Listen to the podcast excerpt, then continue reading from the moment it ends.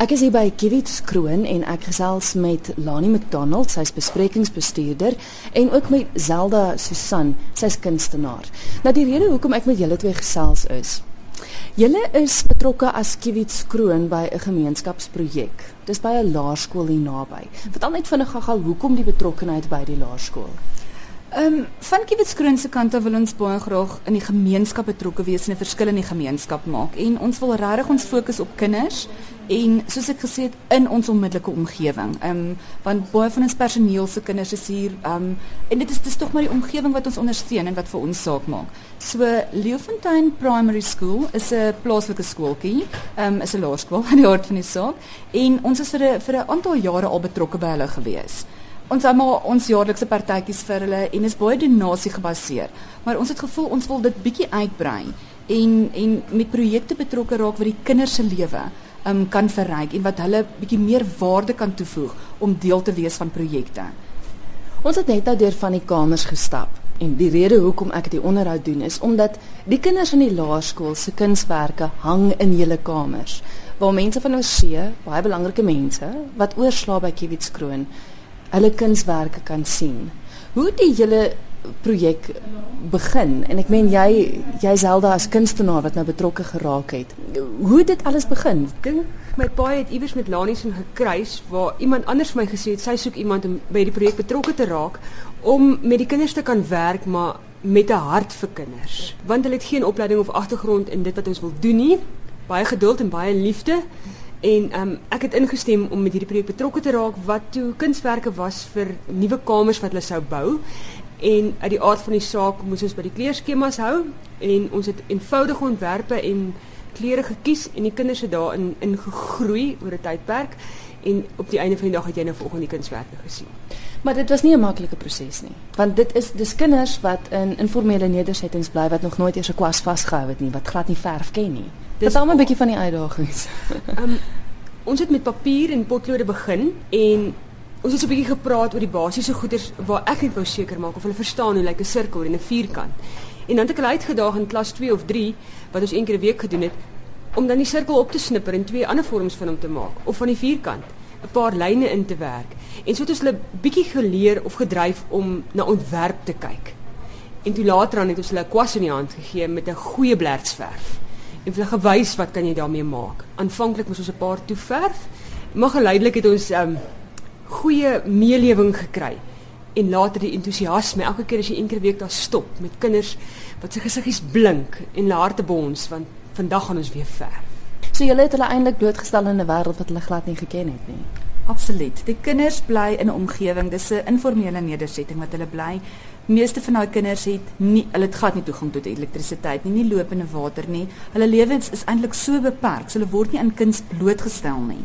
En hier het hierdie kinders gegroei en hulle het hierdie hierdie waarde gekry en hulle het geleer dat hulle spesiaal is en dat hulle iets kan ontwerp en dat hulle iets kan skep en wat in hierdie absolute pragtige hotel kan hang en ons het internasionale gaste. Die eerste gaste wat in daai kamers gebly het, wat die kunswerke in hang was, al die skeieregters vir die wêreldbeker gewees. En wat 'n beter platform is dit? En do, dit het so gegroei dat ons soveel van koöperatiewe kliënte het wat van die kunswerke eintlik aankoop vir geskenke, ehm um, wat hulle dan weer wil uitgee. En dit is dis kinders wat begin het letterlik soos Zelda sê wat ons moes geleer het van vorms en van kleure en hier is kunswerke wat uitgestaan is. Maar wat vir my so mooi is by elkeen van die kunswerke in die kamer en ek dink omtrent die meeste van die kamers is daar omtrent so 2 ja. is die die leerling se naam by, die ouderdom. En ek weet by baie van hulle is daar ook iets geskryf. Ek ek onthou die een meisietjie daar gestaan, ek sal graag eendag 'n verpleegster wil wees. So dis half asof jy na die werk kyk, dan leer ken jy die mense wat dit wat dit geskep het. Absoluut. Dit het hulle laat droom. Ek het hulle ook gevra, sê vir my waaroor jy droom. Laat hulle laat hulle sien hulle hulle paadjie stop nie net hier nie. Dis nie net om laerskool klaar te maak nie. Dit is vir vir daai kinders is dit eintlik so groot uitdaging net om met hoërskool te kan aangaan. Ehm um, as jy net 'n eenvoudige ding soos die vervoer om by 'n hoërskool te kan uitkom. So hulle lewentjies en hulle hulle hulle uitkyk is so beperk.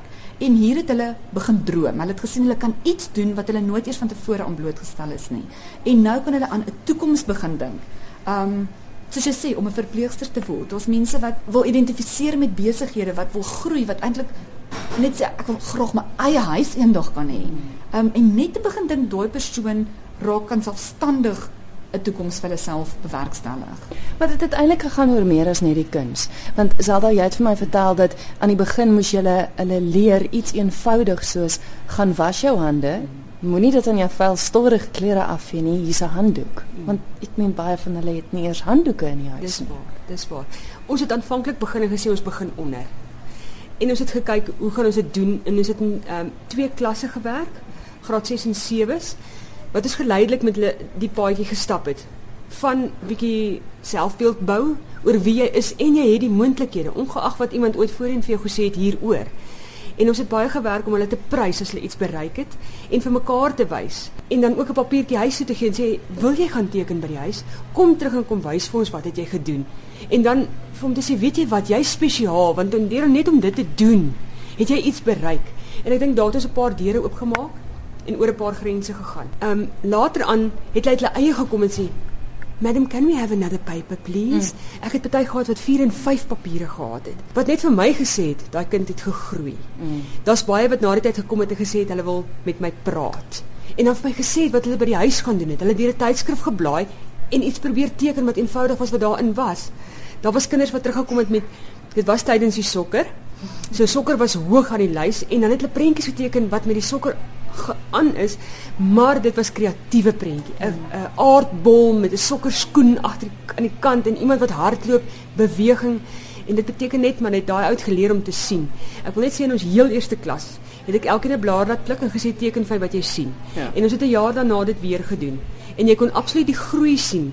Nie noodwendig in sy kuns nie, maar in sy waarnemingsvermoë, in sy kreatiwiteit. In plaas van om een blaar te teken teken vir my 3, herhaal die blaar, maak 'n patroontjie met die blaar. En dit sê net van jy kan daai toepas in enige ander vak en in lewensvaardighede. Moenie stagneer waar jy is nie. En ek dink dit is iets wat ons bereik het buiten die kuns. Ja. Het ons iets in hulle lewens geplant wat vorentoe vir hulle tot waarde is. En dit is vir ons die lekker deel. Ja. Ons praat altyd na elke klas en sê, "Het jy gesien wat het daai een gedoen? Het jy gesien hoe daai een dit geniet? Het jy gesien hoe spog daai een met dit?" En ek dink dit is die waarde wat ons daai kry. En natuurlik het ons baie geleer en baie gegroei. Dit was heerlik. Op die einde, hoeveel werk is dit wat wat die kinders gemaak het vir Kiewitskroon? Sjoe, die aanvanklike kunststukke wat ons nodig gehad het vir die kamers was 84 gewees. Ehm um, en daarvan weet jy ek moet ek praat onder korreksie hoeveel uit die eventually gedoen is want ehm um, daar's soveel van die kunststukke wat verkoop is en dit was hoe die projek aan die gang gebly het ook want Ons het as Kiewitskroon die kuns eintlik by die skooltjie aangekoop, maar nie noodwendig die geld vir hulle gegee nie. Ons het daai geld alles beskikbaar gemaak vir projekte van of en en vir vir items wat die skool nodig het. Ek dink dit nie, ek dink seker 150 of 200 uh, kunststukke op die einde van die dag, ehm um, wat ons wat ons ehm um, gedoen het. hang. Want dan het ons nog die ehm um, koöperatiewe geskenke gemaak wat daar 'n aanvraag voor was en dit was ongeveer 150 150 stukke. Uh, wat Nee. gebruik is as koöperatiewe geskenke. Hoekom ek vra is want want want ek onthou jy het vir my gesê dat die kunswerke is hier, maar geld is beskikbaar vir die skool. So as hulle sakrekenaars nodig het of Ja, so iets dan absoluut. dan uh, dis dis die manier hoe hulle half soort van betaal word vir die Ja, kunswerke. ja, die skool um, met 'n behoefte gehad vir 'n uh, biblioteek. Um, so ons het vir hulle 'n- biblioteek kon opgerig het, um, wat die kinders nou van kan gebruik maak. Die boeke is alles daar, ons het rakke gesit, dit mooi geverf, alles reggemaak. Omdat dit maar 'n plaasskooltjie is, um, weet het hulle maar 'n uitdaging met diefstal en daai tipe van goed. Um, ons kon 'n alarmstelsel geïnstalleer het vir die skool, alles met hierdie fondse wat in die kinders het 'n bydrae gemaak want die kinders het die kuns gedoen. Ehm um, ons kon die graad R klas, want die kleintjies is maar baie klein en ek bedoel as jy kyk na 'n graad 7 kind teenoor 'n graad R Ehm um, hulle kan nie almal dieselfde speelgoed deel nie. So ons kon die graad R klas heeltemal omheind het met pragtige hekke en goeie so die kinders het heeltemal 'n speelarea op hulle eie wat vir die kleintjies baie veiliger is. Jo, goeie soos die sakrekenaars wat jy genoem het, die aardbol dat hulle um, adrukskunde kan doen. Ehm um, selfs verwarmers van die klas. Dit is snerpend koud in die winter in daai klasse. Ehm um, so dit is alles tipe van goeders wat ons vir die skool kon terugsit en wat ons ook in skool gedoen het. Die onderwysers het net so behoefte um, om aandag te kry en en ook daai motivering en erkenning heeltyd te kry. En ek het um, met 'n fasiliteerder gewerk en wat ons werksessies vir die onderwysers gedoen het om hulle heeltyd te bemoedig en en bietjie te bemagtig om breër te kyk ook om na die kinders se behoeftes te identifiseer. So dit kon alles gefinansier word uit die fondse van van die kuns wat Kiewit Kroon nou alles elke keer by die Hmm. skool aangekoop het. Ek wil gou vinnig 'n laaste ding jy het vir my storie vertel van servette en tafeldoeke. Ja. Dit is my so interessant dat ek meen outomaties servette en tafeldoeke word in restaurante gebruik, maar jy het genoem dat jy kan dit ook net soveel keer gebruik. En dit is 'n interessante storie wat jy van vertel het wat jy doen met die servette en tafeldoeke. Weet jy, ek sê altyd 'n servet gaan nie noodwendig 'n persoon se lewe beter maak as hulle nie 'n servet gehad het nie, maar daai servet kan gebruik word nog iewers en dit is nie iets wat jy net kan vat en weggooi nie. So een van die projekte wat ons gedoen het met Camcare wat ook in die omgewing, hulle werk vir Kameeldrift Care, so is ook in ons onmiddellike omgewing, het ons daai servette aan hulle geskenk. Um en Zelda weer eens het hulle baie gehelp en het geverf op die servette. En Camcare het 'n projek wat die wat hulle dames in die omgewing oplei om naaldwerk te doen en hulle hulle het sakke gemaak um van um ja, inkopiesakke of 'n inkopiesak. Ja, en ons het prentjies geverf buitekant en dit verkoop. en dit verkoop en dit ja. was weer fondse wat teruggaan vir die omgewing en na die mense te kyk wat in die in die um, nedersettings bly en so aan. So dit is dit is ons wil waar ons ietsie kan doen goed kan hergebruik word.